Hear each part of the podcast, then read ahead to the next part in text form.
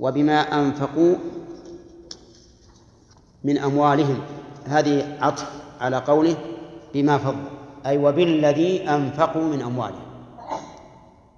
لأن المنفق على الرجال على النساء هم الرجال. فالرجال منفقون على النساء لأنهم هم الذين يكتسبون.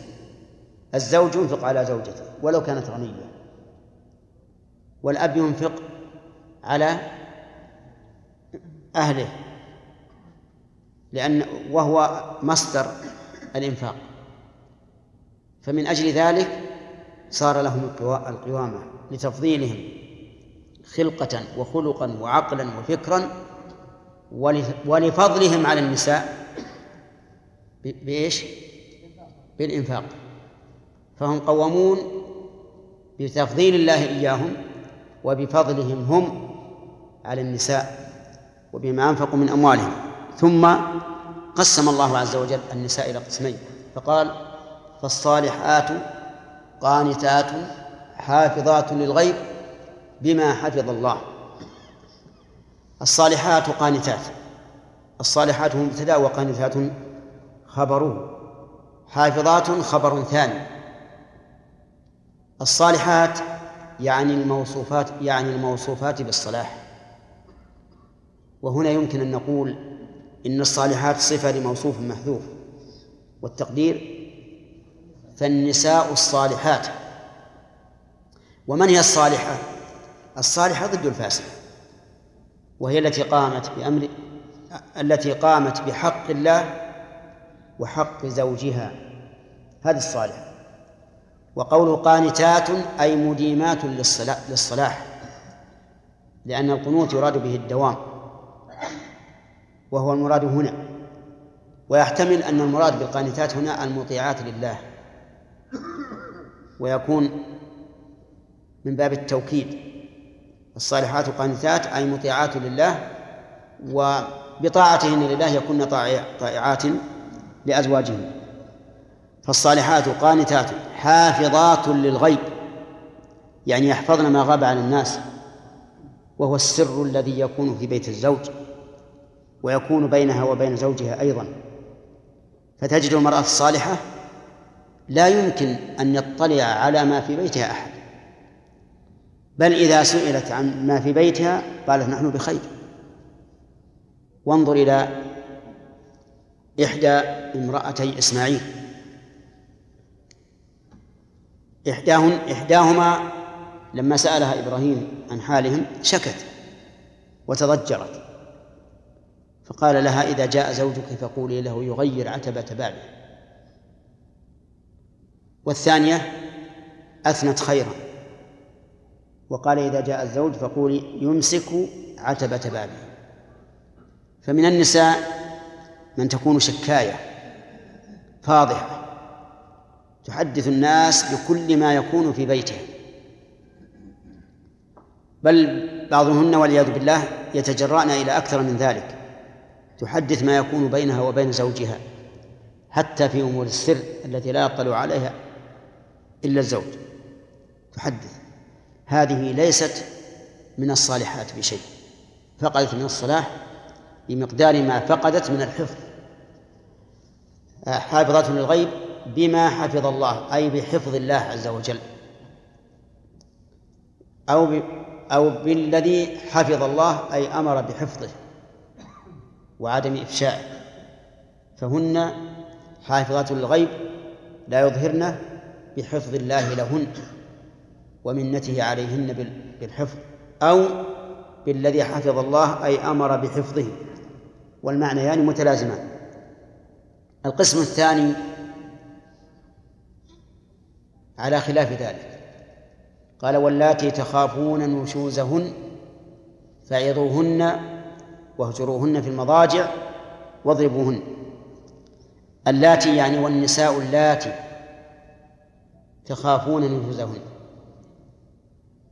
وكيف نخاف نشوزها نخاف نشوزها بظهور أماراته بظهور أماراته والنشوز هو الارتفاع. ومنه الأرض النشز أي المرتفعة. والمراد بالنشوز ترفع المرأة عن زوجها بحيث لا تبذل ما يجب عليها من حقوقه أو تبذله لكن متكرهة متمللة لا لا لا يأنس بها ولا يركن إليها. عشان ما تشغلكم هذا. تظهر برا. فالنشوز معناه الترفع عن ما يجب لها نحو زوجها. وذلك بأن لا تطيعه فيما تجب عليها طاعته أو تطيعه لكن متبرمة متكرهة متمللة لا تأتيه على ما ينبغي هذا هو النشوز. إذا نشزت المرأة سقطت الحقوق التي لها من نفقة وغيرها. لأن النفقة معاوضة إذا لم يوجد عوضها سقطت. اللاتي تخافون نشوزهن. فالنشوز داء. النشوز داء. وهل له دواء؟ نعم. ذكر الله له دواء على ثلاث مراحل. الأولى قال فعظوهن. الثانية واهجروهن في المضاجع. الثالثة واضربوهن. الرابعة لم يذكرها الله لأنها مكروهة عنده. طلقوهن. وهذه الأخيرة مع الأسف هي أول مرحلة عند كثير من الناس. كثير من الناس إذا خالفته زوجه بأدنى شيء طلقها. لكن المراحل الثلاثة التي ذكرها الله هي المراحل الشرعية. أولا الموعظة تعظها بأن تذكرها بما يلين به قلبها هذا الموعظة. تذكرها بما يلين به قلبها بإيش؟ بأن تذكرها بحق الزوج. وما لها من ثواب إذا قامت به. وما عليها من عقاب إذا خالفت. وتقول لها مثلا تقول لها أنت إذا كنت مطيعة قائمة بما يجب لي عليك فإني سوف أقابلك بالمثل أو بأحسن. فتعدها خير الدنيا وخير الآخرة وتخوفها من الله عز وجل إذا نشزت. فإن امتثلت فهذا المطلوب. وإلا قال واهجروهن في المضاجع. الهجر بمعنى الترك. ومنه الهجرة وهي ترك الإنسان وطنه أو ترك الإنسان وطن الكفر إلى وطن الإسلام. اتركوهن في المضاجع. يعني لا تضاجعوهن. لا تضاجعوهن تكون أنت في فراش وهي في فراش أو أنت في حجرة وهي في حجرة وهجرها في المضاجع. فإن استقامت فهذا هو المطلوب. وإلا ننتقل إلى المرحلة الثالثة وهي قوله واضربوهن.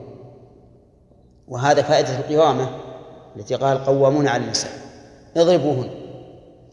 ولكن بماذا؟ المقصود من الضرب هو التأديب المقصود من الضرب هو التأديب فتضرب ضربا يحصل به تأديبها ولا يحصل به تجريحها أي جرحها. فتضرب ضربا غير مبرح كما قال النبي عليه الصلاة والسلام في خطبة حجة الوداع قال ولكم عليهن ألا يوطئن فرشكم أحدا تكرهونه. فإن فعلن ذلك فاضربوهن ضربا غير مبرح. فتضرب لكن ضربا غير مبرح. ويجب أن يتقى في ضربها ما أمر باتقائه كالوجه مثلا. فإن لا تضرب به وسيأتي إن شاء الله في بيان الفوائد. واضربوهن. فإن أطعنكم يعني قمن بما يجب له عليهن من الطاعة فلا تبغوا عليهن سبيلا. تبغوا بمعنى تطلبوا عليهن سبيلا أي واتركوا الماضي. فإن قوله لا تبغوا عليهن سبيلا ليس للمستقبل فقط بل حتى للماضي اتركوه تناسوه. لا تأتوا له ببحث أو إثارة لأن تذكير الماضي يؤدي إلى استمرار النشوز والمعصية. لا تبغوا عليهن سبيلا. كأن شيئا لم يكن. إن الله كان عليا كبيرا.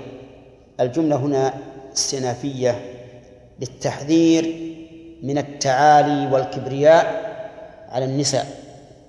لأن الرجل إذا شعر بأنه قائم على المرأة وذو سلطة عليها إلى حد أن الشرع مكنه من ضربها في المرحلة الثالثة ربما يتعالى عليها ويتكبر. فقال عز وجل إن الله كان عليا كبيرا. يعني فاعلموا أن علوكم على النساء فوقه ما هو أعلى منه وهو علو علو الله عز وجل وكبرياء الله عز وجل. فلا تتعالوا عليهن ولا تتكبروا عليهن لأن فوقكم من هو؟ أعلى وأكبر وهو الله عز وجل. ثم قال وإن خفتم شقاق بينهما فابعثوا حكما من أهله وحكما من أهلها. وهذه المرحلة الرابعة. المرحلة الرابعة بعد المراحل الثلاث وهي عجيب. الموعظة الهجر في المضاجع الضرب. إن خفنا الشقاق بمعنى أنها لم تثمر هذه المراحل الثلاث فحينئذ يوجه الخطاب للأمة فبعثوا حكما. ولم يقل فليبعثا حكما فهنا انعزل الزوجان. وصارت وصار المجال مجال غيرهما. مجال من؟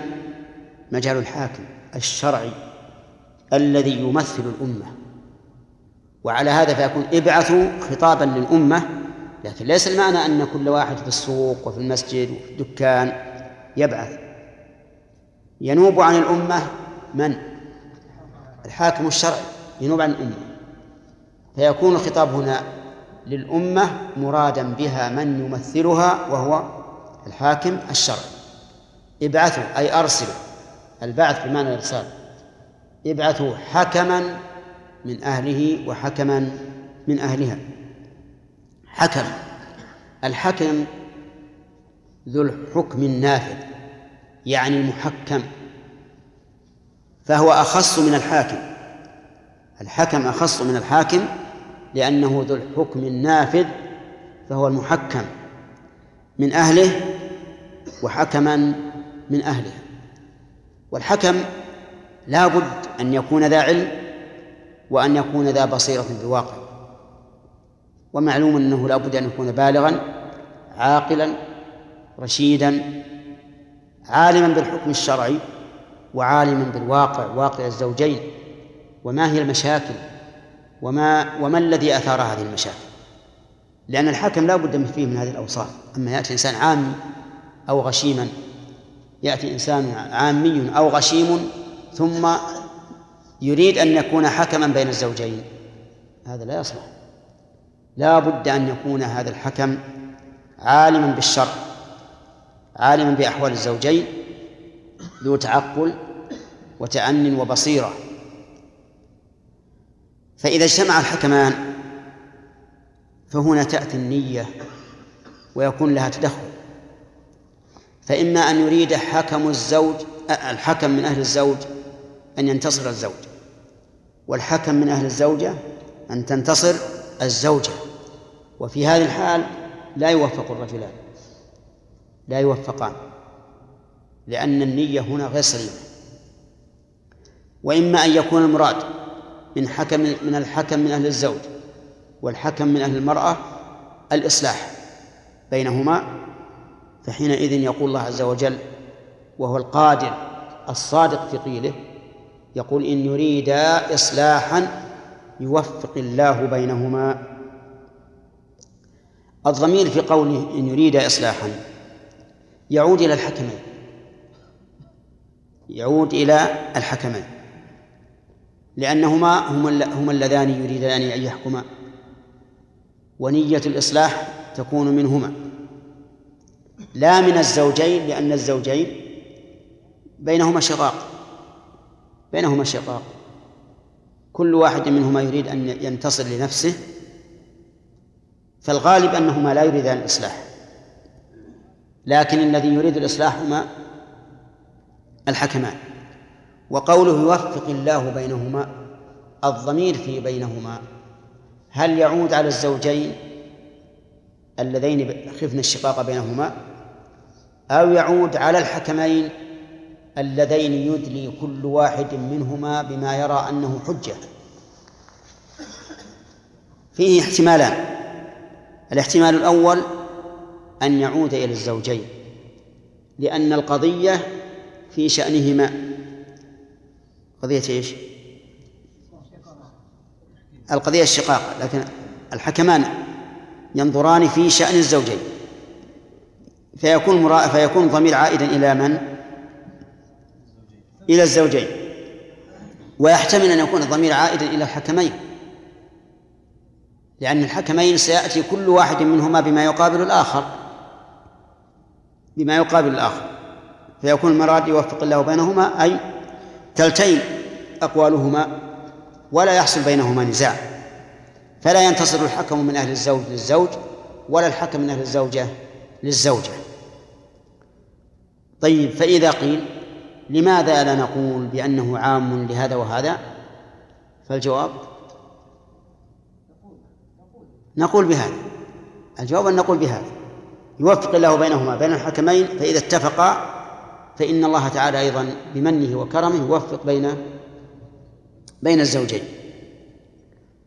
يوفق الله بينهما إن الله كان عليما خبيرا. إن الله كان عليما خبيرا أي عالم خبير. والخبرة هي العلم ببواطن الأمور. العلم ببواطن الأمور هي الخبرة. والعلم بالظواهر والبواطن هو العلم. وعلى هذا فيكون ذكر الخبير بعد العليم من باب ذكر الخاص بعد بعد العام. والجملة استئنافية لبيان لطف الله عز وجل فيما يجري من الحكمين لأنه عز وجل عالم خبير بما يحدث بينهما من الحكم بين الزوجين. في هذه الآيتين من الفوائد فوائد كثيرة. أولا فضل الرجال على النساء. وجهه عبد الرحمن. أن الله جعل الرجال قوامين على النساء. ثانيا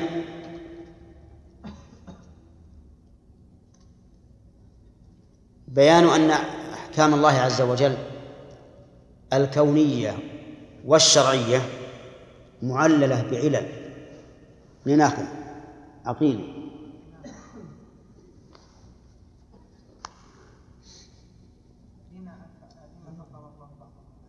السببية يعني ذكر السببية. إذا أفعال الله معللة بعلل. كذا؟ طيب. يلزم من كون أفعال الله أو أحكام الله الشرعية والكونية معللة بعلل إثبات الحكمة وأن الله تعالى حكيم. ومن فوائد هذه الآية الكريمة الآيتين الكريمتين التفضيل بين البشر. خالد. زين. أي أنت؟ طيب. بما فضل الله بعضهم على بعض. فإن قال قائل هل للمفضل عليه أن يحتج على الله؟ فيقول يا ربي لما فضلت هذا علي؟ ليس له ذلك. لماذا؟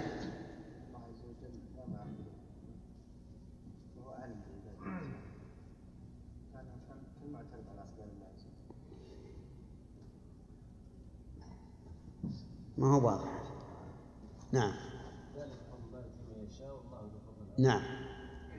يقال للمفضل عليه هل منعك الله حقك؟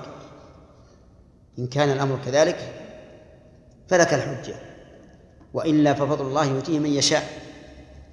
ولهذا لما ضرب النبي صلى الله عليه وسلم مثلا لليهود والنصارى وهذه الأمة برجل استأجر أجراء من الصباح إلى الظهر ومن الظهر إلى العصر فأعطى كل واحد قيراطا قيراطا. ومن العصر إلى الغروب أعطاهم على قيراطين قيراطين.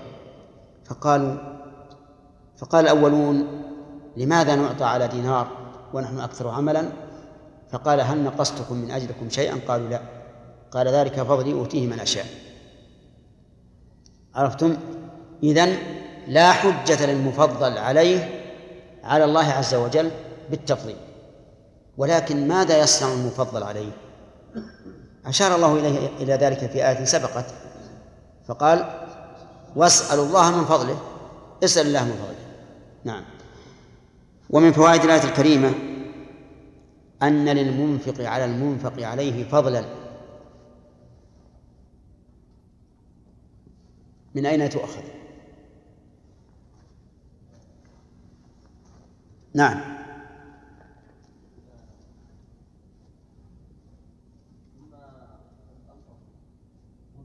من قوله وبما أنفقوا من أموالهم. طيب.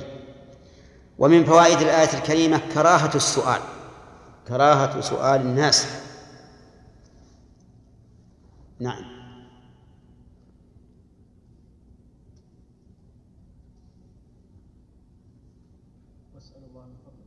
لا.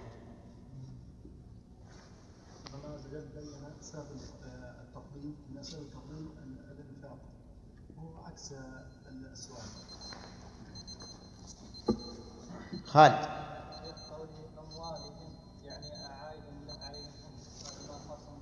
لا. قوله تعالى وبما أنفقوا من أموالهم هم أنفقوا على النساء ولم يطلبوهن لا.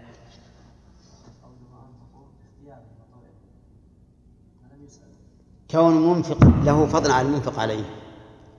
يكون سؤالك إياه ذلا. لأنك إذا سألته فقد أثبتت له فضلا عليك. إذا سألته وأعطاك أثبتت له فضلا عليك. وهذا ذل. ولهذا بايع النبي صلى الله عليه وآله وسلم أصحابه على أن لا يسألوا الناس شيئا. على أن لا يسألوا الناس شيئا مطلقا.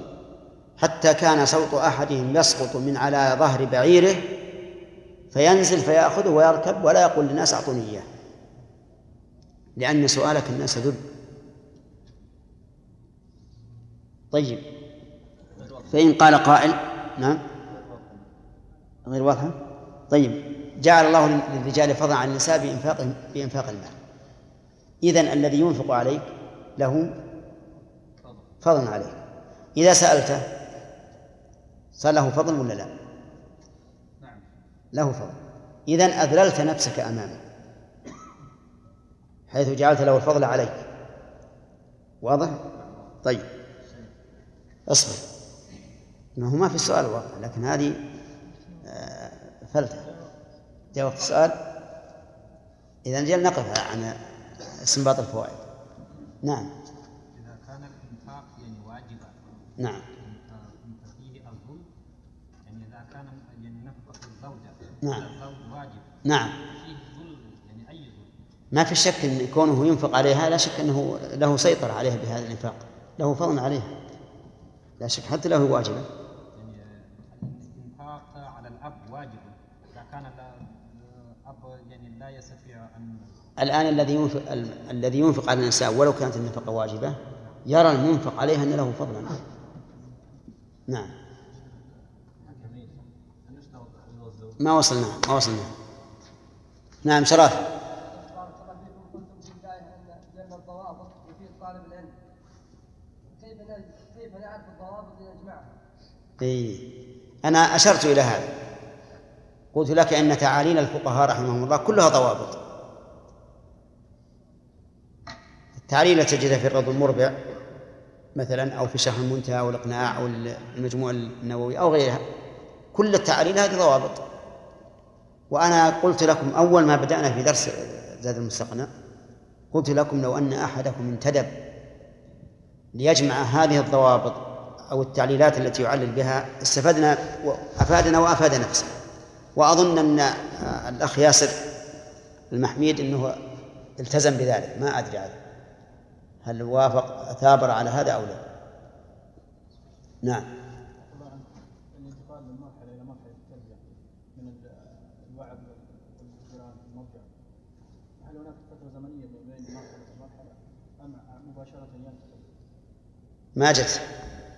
ما دام ما وصلنا الفوائد ربما نذكرها إن شاء الله في الفوائد. ناخذ فوائد ما وقفت الاسئله طيب. ومن فوائد هذه الآية الكريمة أنه لا ولاية للنساء على الرجال. لا في قضاء ولا إمارة ولا أي أي شيء. لقوله الرجال قوامون على النساء. فمن عكس فقد خالف سنة الله عز وجل. من جعل للمرأة الولاية فقد خالف سنة الله. فإن قال قائل أليست الأم تكون ولية على أولادها وعلى أموالهم؟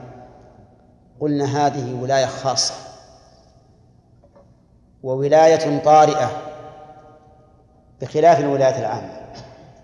ولهذا قال النبي صلى الله عليه وآله وسلم لن يفلح قوم ولوا أمرهم امرأة. لن يفلح قوم ولوا أمرهم امرأة. فإن قال قائل نجد بعض النساء تكون رئيسة للوزراء تكون رئيسة الجمهورية تكون ملكة. قلنا ولكن انظر إلى حال المولى عليه. لو لم تقم عليهم هذه المرأة لكانوا أصلح حالا بلا شك. ولا كانوا أفلح وأنجح. ولكن تأخروا بمقدار ما تولت عليهم هذه المرأة. وانظر مثلا إلى بريطانيا. كانت بريطانيا أكبر دول المستعمرين استعمارا. حتى قيل إنها لا تغيب الشمس عن مستعمراتها. والآن تقلصت حتى صارت في المرحلة آه، في المرتبة الثالثة. كل ذلك لأنها تستولي عليها النساء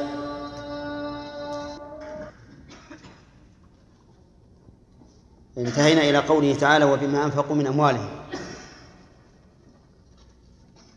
وقلنا إنه يستنبط منها كراهة السؤال سؤال المال لأن الله جعل للمعطي فضلا على المعطى ويشهد لهذا. لهذا قوله صلى الله عليه وآله وسلم اليد العليا خير من اليد السفلى واليد العليا يد المعطي واليد السفلى يد الآخر. ومن فوائد هاتين الآيتين قوله من أموالهم والمال كما هو معروف كل ما يتمول من أعيان ومنافع وغيرها. كل ما يتمول. فيؤخذ منه أن هؤلاء لا ينفقون إلا مما تيقنوا أنه مالهم وأنهم لا يعتدون على أموال أحد. ومن فوائد الآية الكريمة أن النساء ينقسمن إلى قسمين. تؤخذ يا خالد.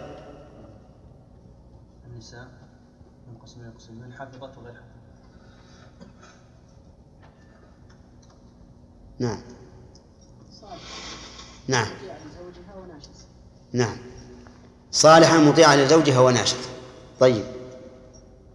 ومن فوائد الآية الكريمة الثناء على حفظ الغيب أي على ما كان سرا بينك وبين أخيك. من أين تؤخذ؟ حافظات الغيب ما حفظ الله. ومن فوائد الآية الكريمة أن للإنسان السلطة للزوج السلطة على زوجته. من أين تؤخذ؟ نعم. طيب.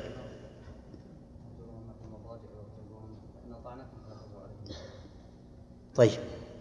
ومن فوائدها هذه الآية الكريمة التدرج في التأديب. نعم. الجرهم نعم. طيب. ومن فوائدها الإشارة إلى أن الله يزع بالسلطان ما لا يزع بالقرآن. علي. يزع بالسلطان ما لا يزع بالقرآن. حيث أنه ربما لا يفيد الوعظ نعم. فينتقل إلى الهجر في المضجع أو الضرب لأنه قد يكون أكثر آه، نعم. نتيجة. طيب. ومن فوائد الآية أنه إذا أمكن التأديب بالخطاب الديني الشرعي فإنه لا يرجع إلى التأديب بال- بال- بالخطاب أو بالفعل المحسوس.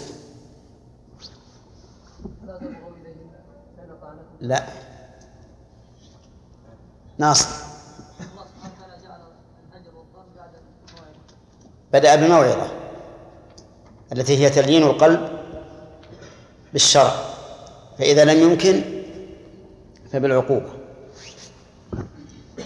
ومن فوائد هذا الحديث آه، الآيات ومن فوائد هذه الآيات الإشارة إلى أن فراش الزوج والزوجة واحد. زين العابدين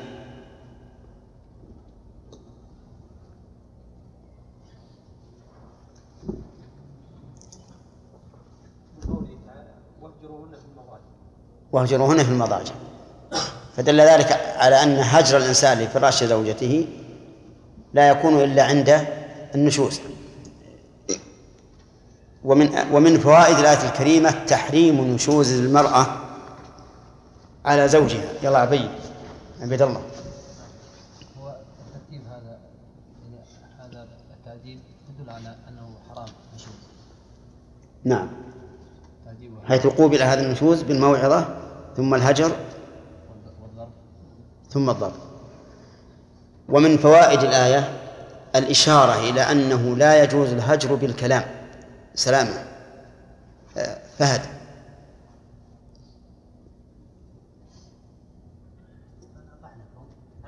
لا. نعم.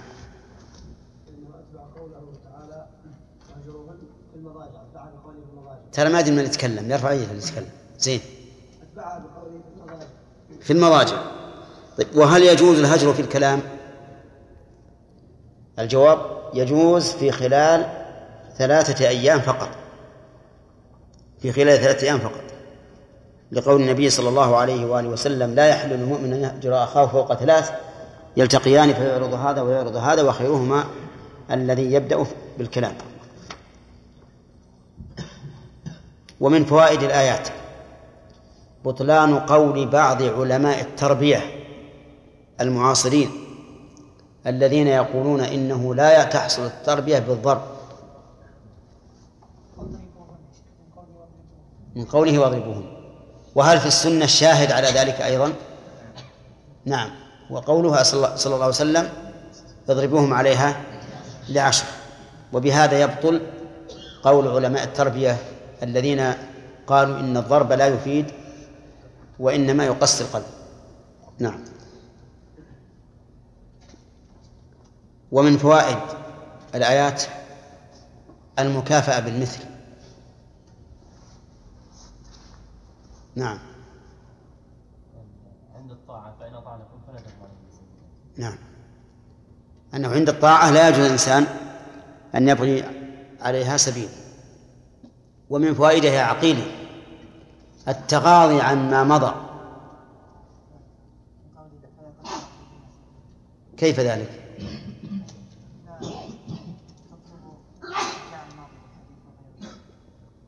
لأنه يشمل فلا تغالي سبيلا يشمل الماضي والمستقبل. ومن فوائد الآية الكريمة الإشارة إلى أن الذي له العلو المطلق هو الله فلا تتعالى على غيرك. من داود. من قوله إن الله كان عليا كبيرا. ورأى النبي صلى الله عليه وسلم رجلا يضرب غلامه. فقال له عليه الصلاة والسلام سمع الرجل هذا الصحابي صوتا يقول يا فلان يا فلان الله أقدر عليك منك على هذا العبد. فالتفت فإذا هو رسول الله صلى الله عليه وسلم فأعتق العبد. أعتق العبد. ففي هذه الإشارة كل إنسان يتعالى في بنفسه أن يتذكر علو الله عز وجل. ومن فوائد هذه الآية الكريمة إثبات هذين الاسمين لله عز وجل وهما العلي الكبير. طيب. هل علو الله زكي؟ معنوي أو حسي؟ حسي ومعنوي. يشمل وعلو الصفات. علو الذات وعلو الصفات يشمل القدر والقهر. طيب. ما هو مذهب أهل السنة والجماعة في هذه المسألة؟ ومذهب من خالفهم. نعم. ناصر أخذت نعم.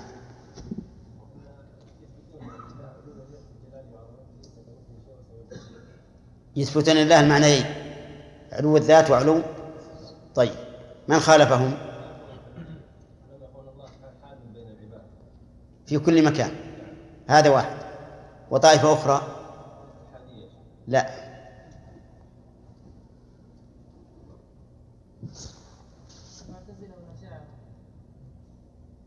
الذين قالوا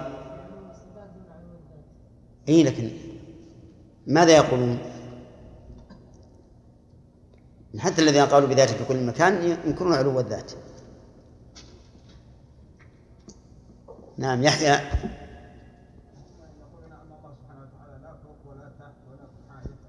تمام. يعني إذن طائفتان متطرفتان. طائفة أثبتت أن الله في كل مكان وطائفة نفت أن يكون الله في مكان عرفتم؟ طائفة قالت نقول إن الله لا فوق العالم ولا تحته ولا داخله ولا خارجه ولا متصل ولا منفصل ولا مباين ولا محايث ولا نصف بأي شيء من هذا وهؤلاء في الحقيقة كما قال محمود بن سبكتكين لابن فورك قال بين لي الفرق بين إلهك وبين العدم. وصحيح هذا هو العدم. والذين قالوا إن الله بذاته في كل مكان أيضا لم يقدروا الله حق قدره. لأنهم جعلوه في أماكن القدر وأماكن الشرف وأماكن اللغو وفي كل مكان.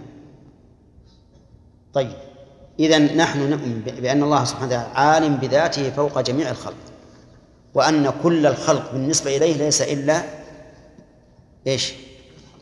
كحبة خردل في كف أحدنا وليست بشيء بالنسبة لله عز وجل. طيب الكبير هنا المراد بالكبير عليا كبيرا يعني الكبرياء أو ما هو أعم؟ طرفي. ما هو أعم؟ يعني الكبرياء الذي هو الكبر المعنوي كما قال تعالى وله الكبرياء في السماوات والأرض. وقال سبحانه وتعالى الجبار المتكبر. وكذلك أن كل شيء بالنسبة إلى ذاته ليس بشيء. من فوائد الآية الكريمة الثانية وجوب عناية ولاة الأمور بالمجتمع.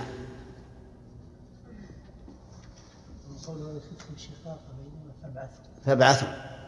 والخطاب هنا قلنا لولاة الأمور. طيب.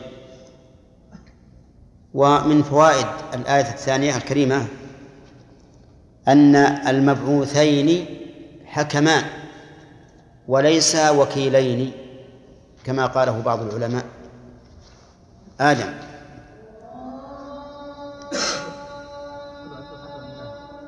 من قول فبعثه حكما والحكم مستقل ولا وكيل؟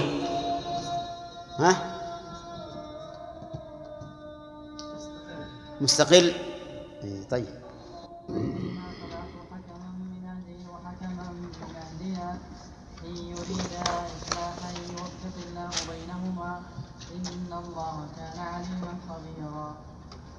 واعبدوا الله ولا تشركوا به شيئا وبالوالدين إحسانا وبذي القربى واليتامى والمساكين والجار ذي القربى والجار الجنوب والجار الجنوب والصاحب بالجنب وابن السبيل وما ملكت أيمانكم إن الله لا يحب من كان مختالا فخورا بس. أعوذ بالله من الشيطان الرجيم. نحن بصدد استنباط الفوائد والأحكام من الآية التي قرأ. الأخ بندر وهي قوله تعالى وإن خفتم شقاق بينهما فابعثوا حكما من أهله وحكما من أهلها. وذكرنا فوائد. كم؟ عشرين؟ واحد وعشرين فائدة. طيب. آه، هل ذكرنا من فوائد الآية أن المبعوثين حكمان لا وكيلان؟ نعم. من فوائد الآية الكريمة أنه لا بد أن يكون عند الحكمين علم بالشرع لأن الحكم لا يمكن أن يحكم إلا بعد العلم. ولا بد أن يكون لديهما أمانة وثقة دينية لأن غير الثقة لا يؤمن. وقد قال الله تعالى يا أيها الذين آمنوا إن جاءكم فاسق بنبأ فتبينوا والحاكم مخبر وملزم وفاصل فهو مخبر عن حكم الله ملزم بما يحكم به فاصل بين الخصمين. فلا بد أن يكون عدلا في دينه.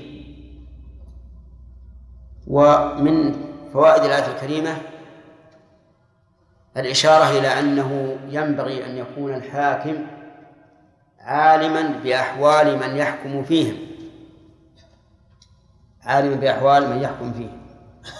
لقوله من أهله من أهلها. لأن الذي من أهله وأهلها أقرب إلى العلم بحالهما من الرجل الأجنبي. وعلى هذا فلا ينبغي أن يولي قاضيا على قوم لا يعرف طبائعهم ولا يعرف لسانهم ولا يعرف أحوالهم فإن هذا يفوت به شيء كثير من القضاء. ومن فوائد الآية الكريمة جواز حكم القريب لقريبه أو عليه. أما حكمه عليه فلا إشكال فيه لانتفاء التهمة. وأما حكمه له فقد يكون له فيه تهمة. حكم القريب للقريب.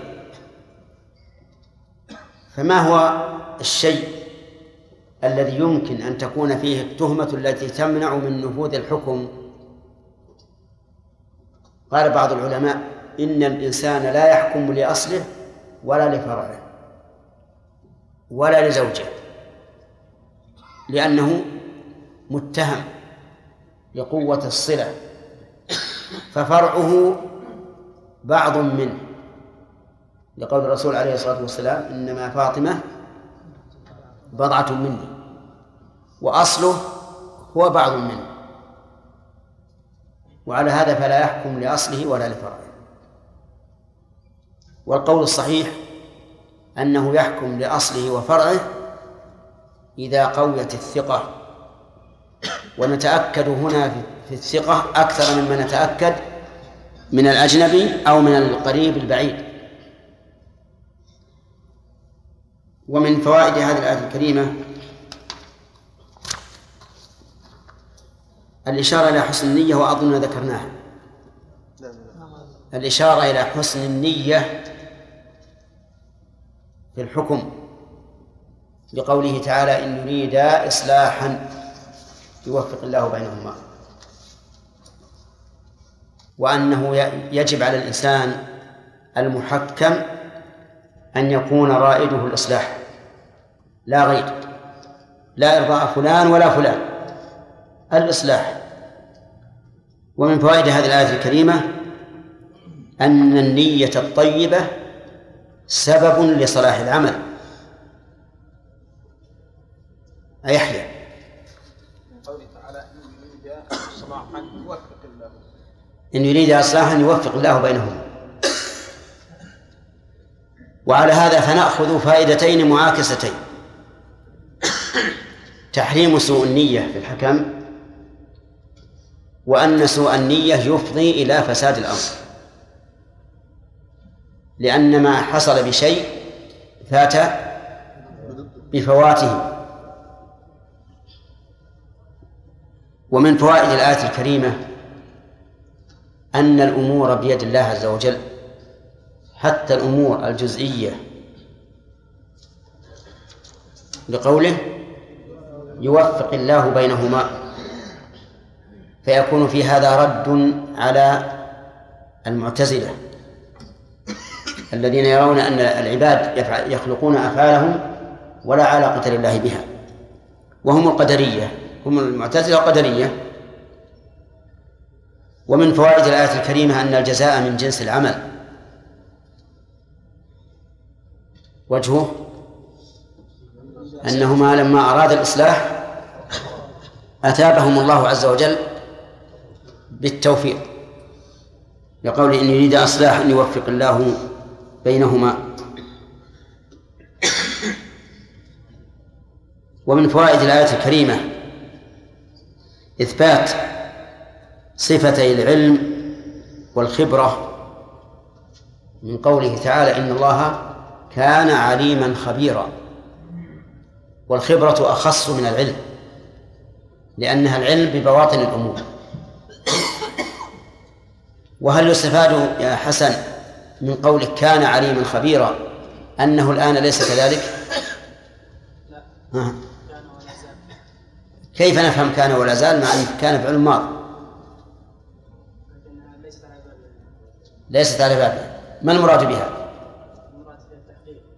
تحقيق الصفة. تمام. فهي مسلوبة الزمان. أظن ذكرنا أن الحكمين لهما أن يفرقا ويجمعا بعوض وبغير عوض. طيب إذن يستفاد من الآية الكريمة أن لهذين الحكمين التفريق والتوفيق بين الزوجين اللذين خيف الشقاق بينهم بينهما سواء بعوض أو بدون عوض. ويتفرع على ومن الفوائد أيضا من الفوائد أن حكمهما ملزم لأن الله سماهما حكمين. والحكم قوله لازم وفصله فصل. ثم قال الله تعالى في درس الليلة واعبدوا الله ولا تشركوا به شيئا وبالوالدين إحسانا إلى آخره. اعبدوا العبادة التذلل والتطامن والخضوع والتواضع وما أشبه ذلك وكلها تدور على الذل. ومنه قولهم طريق معبد يعني مذللا للسالكين مهيئا لهم. والمراد بعبادة الله سبحانه وتعالى القيام بأمره. القيام بأمره هي عبادته. اعبدوا الله. ولا تشركوا به شيئا. لا ناهية والشرك أن يساوى غير الله بالله. فيجعل ند فيجعل ندا له. وقوله شيئا نكرة في سياق النهي فتعم. لا تشركوا بالله نبيا ولا رسولا ولا ملكا ولا غيره. أي شيء. ثم النهي عن الشرك يشمل أي نوع من أنواع الشرك وسيأتي إن شاء الله في بيان في استنباط الفوائد ما فيه الكفاية. واعبدوا الله ولا تشركوا به شيئا. معنى لا تشركوا به؟ لا تسووا غيره به لا تساووا غيره به فيما هو من من من حقوقه. وبالوالدين إحسانا. عطف حق الوالدين على حق الله عز وجل لأن حق الله أعظم الحقوق. وحق الرسول صلى الله عليه وسلم أعظم من حق الوالدين لكنه داخل في حق الله. لأن العبادة لا تتم إلا بإخلاص ومتابعة والمتابعة هو هي أداء حق الرسول عليه الصلاة والسلام. الوالدين تثنية والد وهما الأم والأب. ويدخل في ذلك الجد والجدة ولكن حق الأقرب فالأقرب أولى من الأبعد. وقول إحسانا مصدر أحسن يحسن. وهل الجار ومجرور متعلق به؟ أو هو متعلق بفعل محذوف دل عليه المصدر؟ فعلى الأول يكون تقدير الكلام وإحسانا بالوالدين. ويكون المصدر هنا بمعنى الفعل. وعلى الثاني يكون التقدير وأحسنوا بالوالدين إحسانا. وهذا أقرب أن يكون الجار ومجرور متعلقا بمحذوف دل عليه المصدر الموجود. وذلك لأن عمل المصدر ضعيف فلا يسبقه معموله. فالمصدر لا يعمل فيما قبله. وعلى هذا فنقول إحسانا مفعول مفعول مطلق عامله محذوف. أحسنوا بالوالدين إحسانا. معاملة الوالدين لا تخلو من إحدى حالات ثلاثة إساءة إحسان لا إساءة ولا إحسان. والمأمور به هو الإحسان وضده الإساءة أو لا إساءة ولا إحسان فلا بد من إحسان للوالدين وبذي القربى ذي بمعنى صاحب. والقربى بمعنى القرابة. والدليل على أن القربى بمعنى القرابة قوله تعالى قل لا أسألكم عليه أجرا إلا المودة في القربى أي المودة في القرابة. هذا هو الصحيح. أي بسبب القرابة. أي لا أسألكم عليه أجرا ولكن ودوني بسبب قرابتي منكم لأنني ابنكم. فهنا بذي القربى أي بصاحب القرابة. فنص على على الوالدين أولا وثنى بالقرابة وذلك لأنه لا قرابة لك إلا بواسطة الوالدين. من الذي وصلك بعمك؟ أو بخالك؟ أو بأخيك؟ أو بأختك؟ إلا الوالدان. فلهذا جعلت منزلة القرابة بعد منزلة الوالدين. واليتامى جمع يتيم وهو من مات أبوه قبل أن يبلغ إن مات أبوه قبل أن يبلغ أي أبوه. الولد نعم من مات أبوه قبل أن يبلغ أي الولد. طيب و و وإنما أمر بالإحسان إلى اليتامى لانكسار قلوبهم بفقد مربيهم وهو الأب. فأما من ماتت أمه دون أبيه فليس بيتيم. والمساكين جمع مسكين وهو المعدم من المال ويدخل فيه هنا الفقير لأن الفقير والمسكين كلمتان إن ذكرتا جميعا اختلف المعنى فيهما وإن انفصلت إحداهما عن الأخرى صارت صارت كل واحدة بمعنى الأخرى. وسمي المعدم مسكينا لأن الفقر أسكنه وأذله. نسأل الله لنا ولكم العافية. الإنسان الفقير ذليل ولهذا لا يطمع أن يصل إلى المرتبة التي وصل إليها الأغنياء إلا إذا كان فيه وصف يصعد به إلى درجة الأغنياء.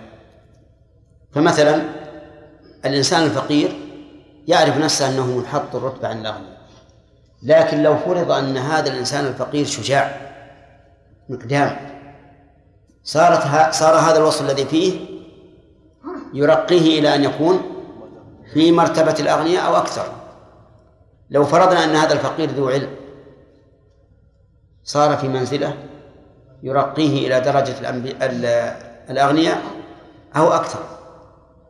لكن مجرد كونه آدميا لا وهو فقير لا يطمع في أن ينال مرتبة الأغنياء.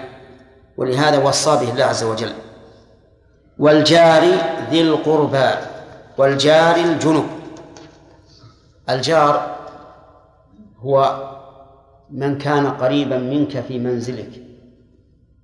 القريب في المنزل. فمثلا الأخ شو اسمه؟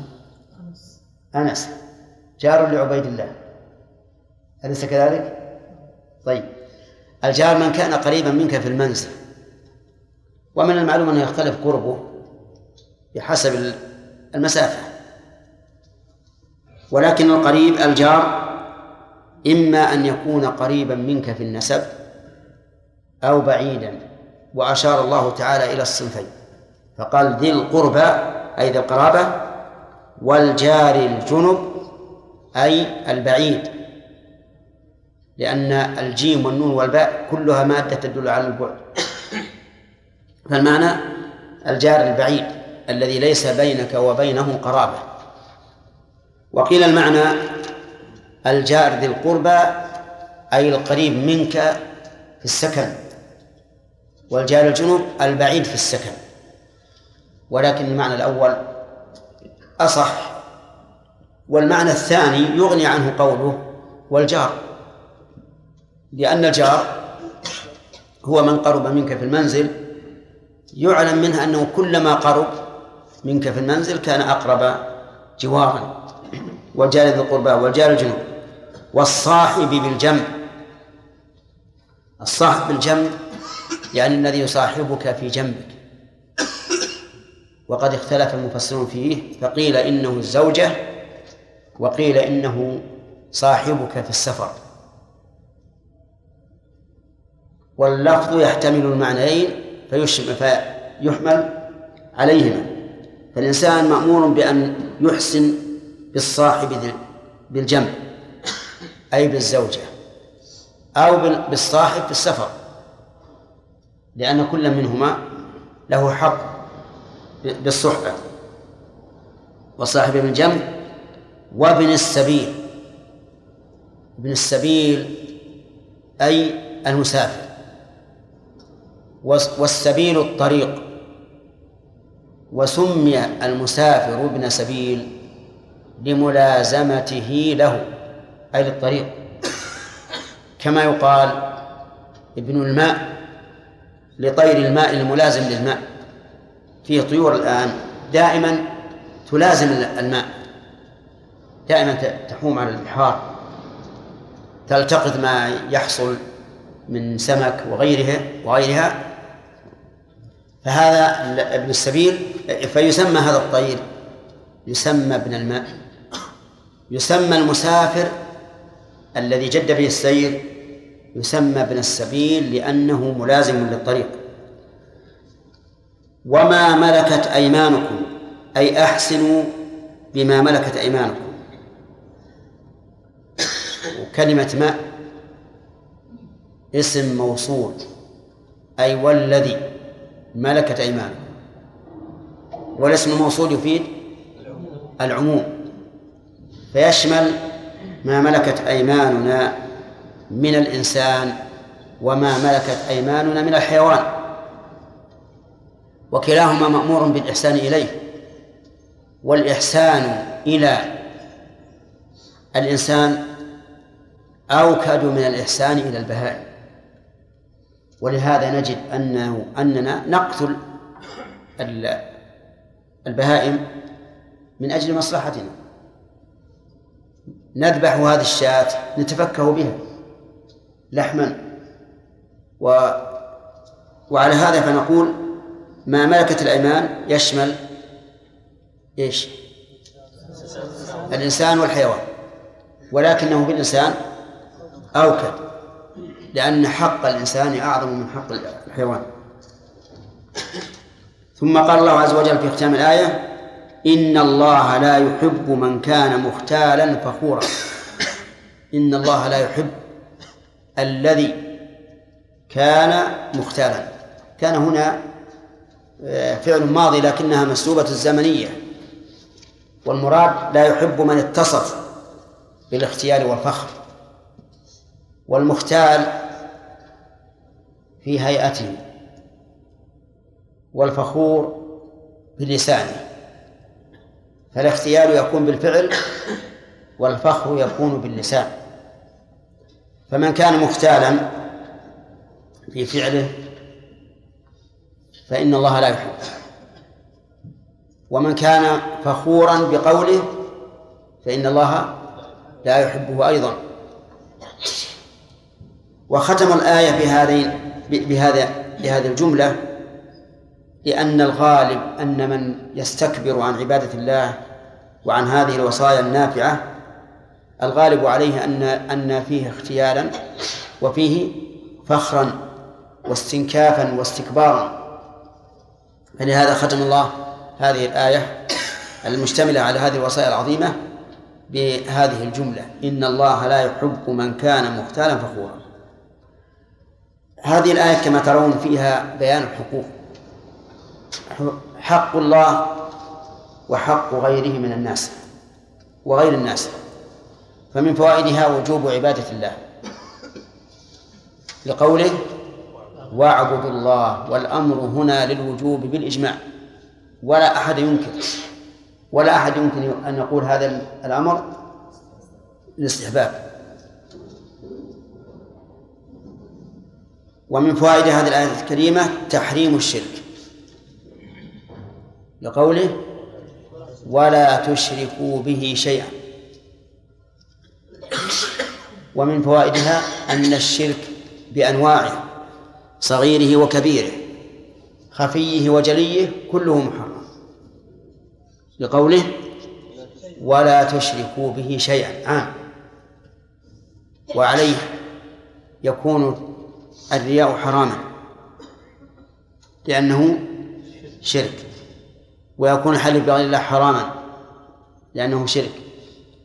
ويكون تسوية الله بغيره حراما في مثل مالي إلا الله وأنت وما أشبه ذلك لأنه شرك. والعلماء رحمهم الله كتبوا في هذا الموضوع أي في الشرك وأنواعه كتابات كثيرة. من أحسنها كتاب التوحيد لشيخ الإسلام محمد بن عبد الوهاب رحمه الله فإنه بين أنواعا كثيرة من الشرك. ومن فوائدها أن الإثبات المحض لا يدل على التوحيد.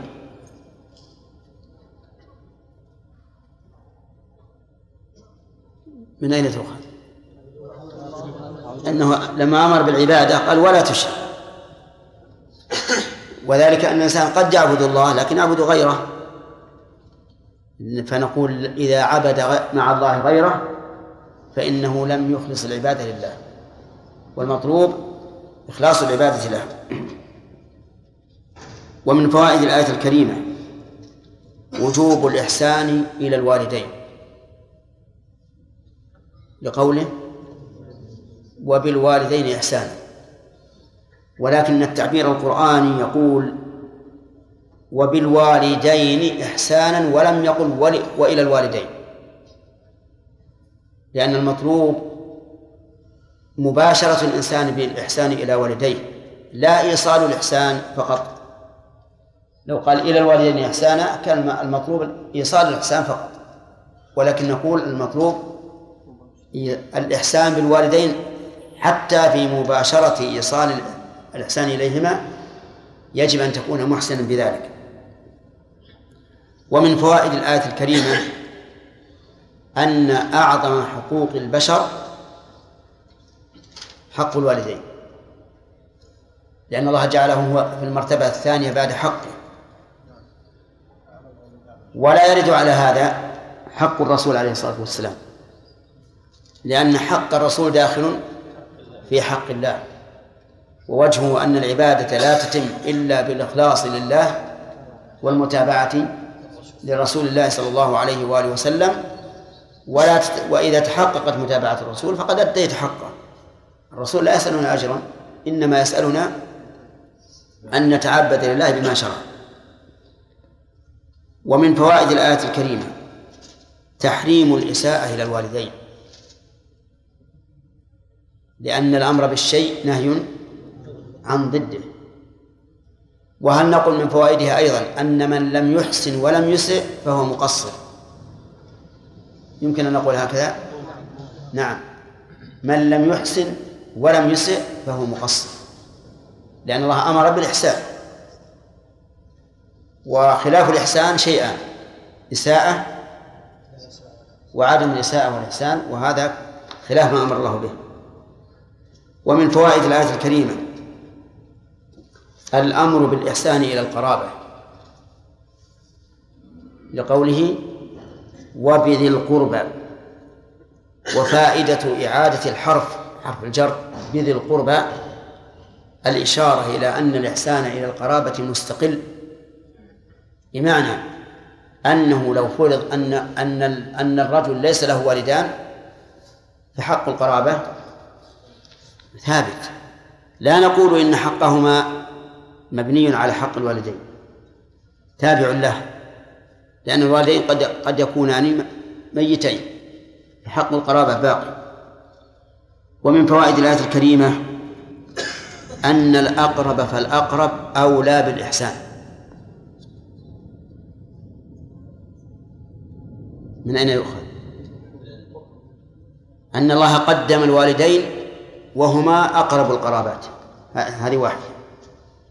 فقياسا على ذلك أن نقول من كان أقرب من بقية القرابات فهو أحق. هذا وجه. الوجه الثاني أن المعلق ب... أن المعلق على وصف يقوى بقوة ذلك الوصف ويضعف بضعف ذلك الوصف. والحكم هنا معلق على إيش؟ على القرابة. فكل من كان أقرب كان حقه أوكد. فصارت الدلالة على أننا نقدم الأقرب فالأقرب من وجهين. الوجه الأول قياسي والثاني معنوي. القياسي عبد الله؟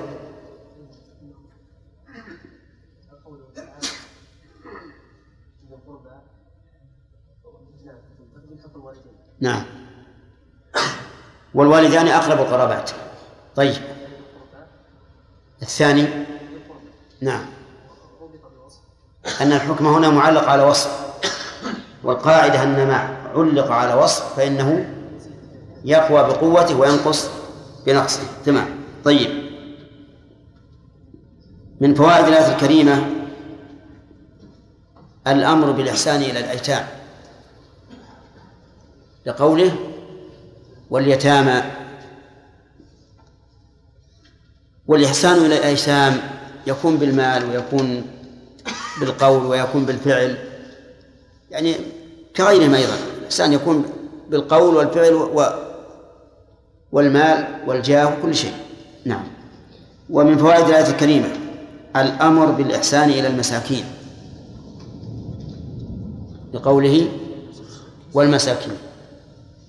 وهل نقول في المساكين كما قلنا في القربى بأن من كان أشد مسكنة كانت الوصية به أوكد نعم. نعلق على وصف. واليتامى أيضا. كذلك؟ اليتم لا يتنوع. اليتم واحد. يعني من له أربع عشرة سنة ومن له سنة واحدة هما سواء في اليتم. نعم. ومن فوائد الآية الكريمة. الأمر بالإحسان إلى الجار. سواء كان قريبا أم بعيدا لقوله تعالى والجار ذي القربى والجار الجنوب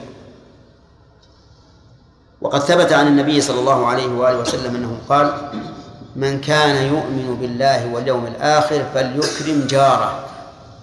فليكرم جاره. فعلق الرسول عليه الصلاة والسلام الإيمان يعني كمال الإيمان على على إكرام الجار. والإكرام ضد الإهانة ومن فوائد الآية الكريمة.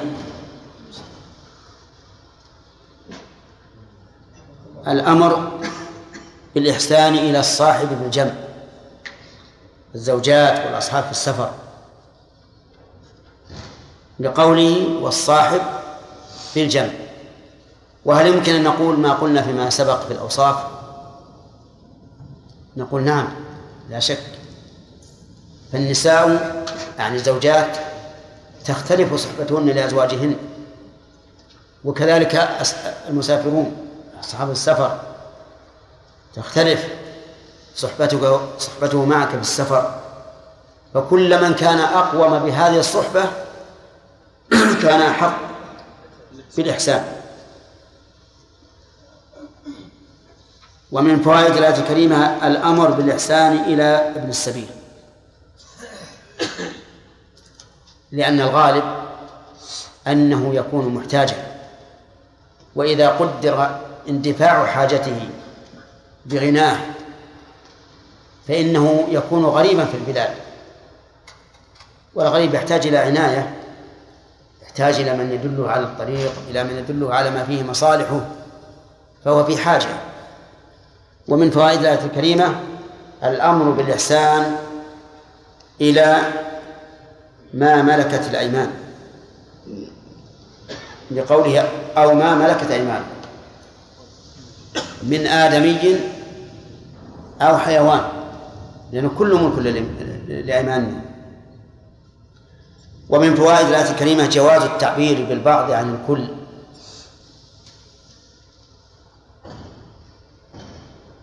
بقوله ما ملكت أيمانكم. والمراد ما ملكتم لكن هذا شيء معلوم. طيب. هل نأخذ من هذه الآية الكريمة تحريم الإساءة إلى من ذكر؟ وجهه أن الأمر بالشيء نهي عن ضده. فإذا كان الله تعالى أمر بالإحسان إلى هؤلاء فالإساءة إلى هؤلاء محرمة. ومن أشد ما يكون الإساءة إلى الوالدين ثم ذي القربى ثم اليتامى ثم المساكين ثم الجيران. وقد قال النبي عليه الصلاة والسلام والله لا يؤمن أو قال والذي نفسي بيده لا يؤمن من لا يأمن جاره بوائقه. يعني ظلمه وغشمه. فنفى الإيمان عن الشخص الذي لا يأمن جاره بوائقه. فكيف بمن؟ أصابته بوائق جاره يكون أشد نسأل الله السلامة. ومن فوائد الآية الكريمة عناية الله سبحانه وتعالى بعباده من من وجوه في هذه الآية. أولا من جهة القيام بالحق في الوالدين والقرابات. وثانيا من جهة جبر النقص الذي يحصل على بعض الناس مثل المساكين واليتامى. وثالثا أن حسن الجوار سبب للالتحام والالتئام بين الناس وعدم الكراهية والبغضاء. ولهذا يوجد في وقتنا الآن مع الأسف أن كثيرا من الجيران لا يعرف جاره. ولا يدعوه في المناسبات ولا يرسل إليه الهدايا وقد قال النبي عليه الصلاة والسلام إذا طبخت مرقة فأكثر ماءها وتعاهد جيرانك. وهذا مع الأسف غير موجود مع أن فيه فائدة اجتماعية عظيمة. فهو من عناية الله بالخلق. ومن فوائد الآية الكريمة أن الله تعالى أرحم بالإنسان من أولاده.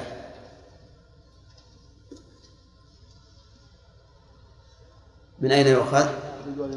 من قوله وبالوالدين إحسانا حيث أمر الولد أن يحسن إلى والده وهذا يدل على أن الله أرحم بالإنسان من أولاده. كما أن قوله تعالى يوصيكم الله في أولادكم يدل على أن الله أرحم بالإنسان من من والديه وهذا هو الواقع. كانت امرأة فقدت صبيا لها في السبي. فجاءت إلى النبي عليه الصلاة والسلام من المدينة تنظر في في السبايا وقد زاغ عقلها. فلما وجدت صبيها أخذته وضمته على صدرها. فقال الرسول عليه الصلاة والسلام أترون هذه تلقي ولدها في النار؟ قالوا لا يا رسول الله. لا يمكن. قال الله بعباده أرحم من هذه الوالدة بولدها. اللهم لك الحمد. الله أرحم بعباده من هذه الوالدة بولدها. ولا يصيبنا ما أصابه ما يصيبنا مما يخالف الرحمة إلا بأسباب ذنوبنا. وما أصابكم من مصيبة فبما كسبت أيديكم ويعفو عن كثير. من فوائد الآية الكريمة إثبات محبة الله. إثبات محبة الله. خالد منين؟ إن الله لا يحب من كان مختالا هذا نفي للمحبة. معنى آه، مفهوم الخلف أنه يحب من ليس مختالا ولا كفورا. لكن لو قال قائل هذا نفي وليس بإثبات ماذا تقول؟ نقول لو كانت المحبة منتفية ولا تجوز على الله؟ لم يكن لنا فيها فائدة هنا. لم يكن لنا فيها فائدة. وعلى هذا فإنها تدل على إثبات المحبة لله. ومذهب السلف وأهل السنة إثبات المحبة لله حقيقة وأنه جل وعلا يحب يحب وأن محبته تتعلق بالأعمال وتع- وتعلق بالأشخاص وتتعلق بالأزمنة وتتعلق بالأمكنة. فقد سئل الرسول عليه الصلاة والسلام أي العمل أحب إلى الله؟ قال الصلاة على وقتها. وهذا. تعليق المحبة بماذا؟ بالأعمال. وقال وقال الله تعالى إن الله يحب الذين يقاتلون في سبيله صفا. بالأشخاص المعينين بالوصف. وتكون بالأشخاص المعينين بالشخص كقول الرسول عليه الصلاة والسلام إن الله اتخذني خليلا كما اتخذ إبراهيم خليلا والخلة أعلى أنواع المحبة. وتكون معلقة بال- بال- بالأماكن. أحب البقاع إلى الله مساجدها. وربما يكون متعلقة بالزمن مثل قوله ما من أيام العمل الصالح فيهن أحب إلى الله من هذه الأيام العشر. فإن الزمن كان محبوبا إلى الله فيها لأن الله يحبها. وفي هذا ال- ال- الاستدلال ضعف. لكن على كل حال محبة الله عز وجل تكون مقيدة بما قيده الله به فهي ثابتة لله حقا. القول من الأعمال. القول من الأعمال. هي أقول القول من الأعمال. إي نعم. آه، طيب. هل أحد من الناس أنكر المحبة؟ نعم. أنكرها المعطلة من الأشاعرة والمعتزلة والجهمية ومن وما ومن شابههم. قالوا لا يمكن الله يحب. المحبة لا تكون إلا بين شيئين متناسبين. يحب الرجل زوجته يحب ابنه يحب صديقة. ولا تناسب بين الخالق والمخلوق فكيف يحب الله الشخص؟ كيف يحب الرسول؟ كيف يحب ال... كذا. طيب في القرآن قالوا المراد بالمحبة إرادة الثواب أو الثواب نفسه. إرادة الثواب أو الثواب نفسه.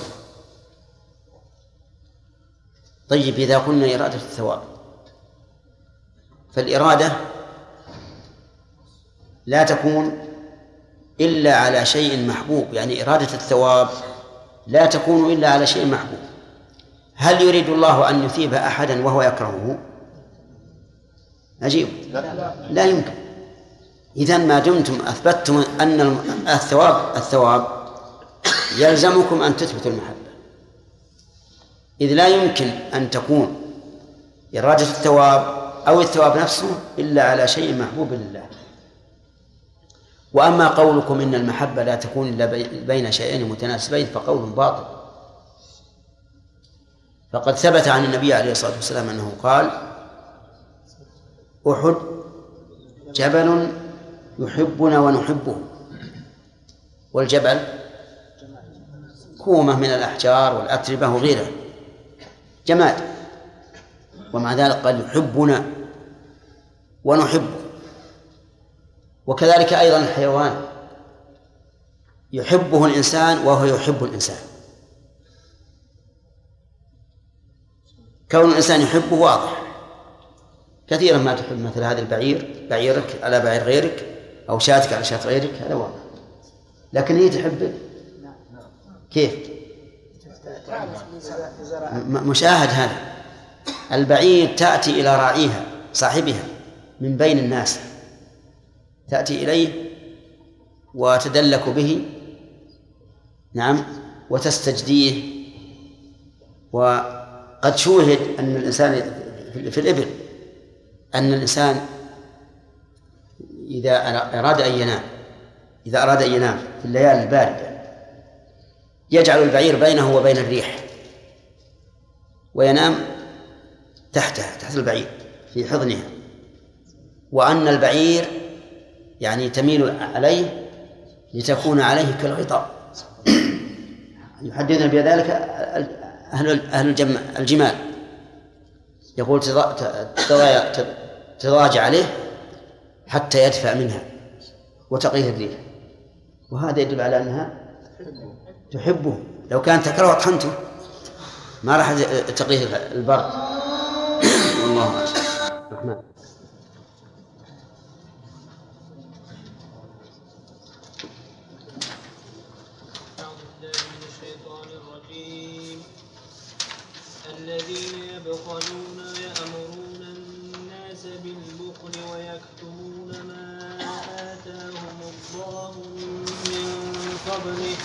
وأعتدنا للكافرين عذابا مهينا.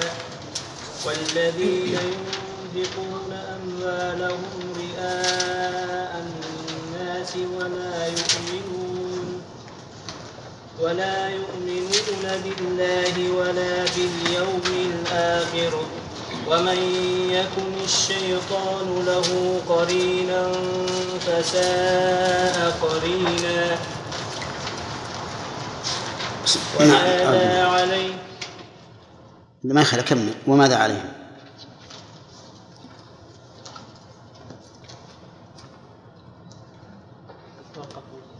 وماذا عليهم؟ وماذا عليهم لو آمنوا بالله واليوم الآخر وأنفقوا مما رزقهم الله وكان الله بهم عليما أعوذ بالله من الشيطان الرجيم. قال الله تبارك وتعالى في ختام آية الحقوق العشرة واعبدوا الله ولا تشركوا به شيئا. قال في ختام هذه الآية إن الله لا يحب من كان مختالا فخورا. مختالا في هيئته فخورا في لسانه بقوله. والمراد بالفخور الذي يتحدث بما هو عليه من الصفات افتخارا على الناس لا إخبارا بنعمة الله عز وجل. فأما إذا كان إخبارا بنعمة الله فإنه تحدث بنعمة الله وهو مشروع بين من صفات هذا المختال الفخور قال الذين يبخلون ويأمرون الناس بالبخل.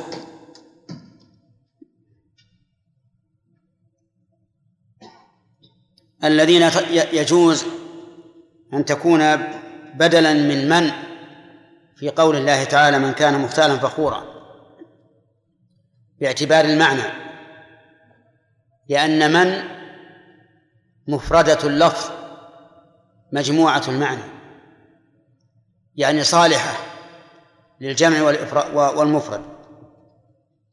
ولفظها من كان مختالا فخورا مفرد ويجوز أن يوصف بالجمع باعتبار المعنى. فالذين يبخلون يجوز أن تكون صفة لمن؟ ويجوز أن تكون خبر مبتدأ محذوف. التقدير هم الذين يبخلون ويأمرون الناس بالبخل. وقول بالبخل فيها قراءتان بالبخل وبالبخل. فقولها الذين يبخلون. ما معنى البخل؟ البخل هو إمساك ما يجب بذله. إمساك ما يجب بذله بخل. من مال أو علم أو جاه أو عمل. كل ما يجب بذله من من هذه الأشياء فإنه بخل. ولهذا جاء في الحديث عن النبي صلى الله عليه وسلم البخيل من إذا ذكرت عنده لم يصلي علي. اللهم صل وسلم عليه. هذا بخل بإيش؟ بما يجب من عمل. وما يجب من جاه كالشفاعة الواجبة. إذا بخل, بخل بها الإنسان فإن هذا بخل. وما يجب من مال وأعلاه الزكاة. هذا البخل بما يجب من المال. والرابع ما يجب من العلم. هذا أيضا بخل وهو من أشد أنواع البخل. وإذا أخذ الله ميثاق الذين أوتوا الكتاب لتبيننه للناس ولا تكتمونه. وفي الحديث من سئل عن علم يعلمه فكتمه ألجم بلجام من نار يوم القيامة. فهذا هذه أنواع البخل. في أيضا البخل بالماء بالبدن. خامس. البخل بالبدن إذا وجب عليك إعانة مسلم كإنقاذه من حريق أو غرق أو هدم أو غير ذلك فلم تفعل فإنه فإنك تكون من أهل البخل. إذا تعريف البخل هو منع ما يجب بذله من من مال أو علم أو عمل أو جاه أو بدن. طيب. الذين وإن شئنا أدخلنا كلمة آه، الأخيرة البدن بالعمل لأن حقيقة الأمر أنه عمل. الذين يبخلون ويأمرون الناس بالبخل فيتعدى ضررهم إلى غيرهم. إذا جاءهم من يستشيرهم في أمر فيه بذل قالوا لا ما له داعي. ادخر مالك ربما تحتاجه في المستقبل. بل إذا رأوا من يريد أن ينفق وإن لم يستشرهم ذهبوا يأمرونه بالبخل.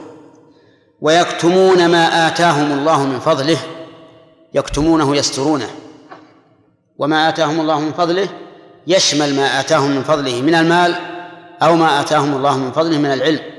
أو غير ذلك. كل ما آتاهم الله من فضله يتسترون به لماذا؟ لئلا لئلا يلومهم الناس إذا بخلوا بخلوا. فإنهم إذا كتموا ما عندهم مما آتاهم الله من فضله لم يعلم الناس أن عندهم فضل أن عندهم فضلا يمكن أن يبذلوه. فيكتمون لئلا يلومهم الناس إذا بخلوا به وقول من فضله أي من عطائه وإفضاله. وأعتدنا للكافرين عذابا مهينا.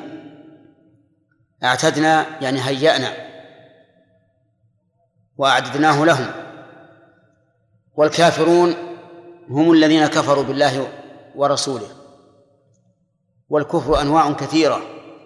منه أصغر ومنه أكبر. والأكبر قولي وفعلي وجهدي. قولي وفعلي وجهد وهو أنواع معروفة عند أهل العلم. ذكره الفقهاء في باب حكم المرتد وذكره المتكلمون على التوحيد في أبواب التوحيد. وقول عذابا مهينا أي أي ذا إهانة يهينهم ويذلهم لأنهم كما مرت عليكم آيات كثيرة أنهم إذا دخلوا النار وبخوا عليها على أعمالهم وقيل لهم ألم يأتكم رسل منكم؟ وفي هذا إهانة لهم مع ما هم عليه من العذاب الأليم.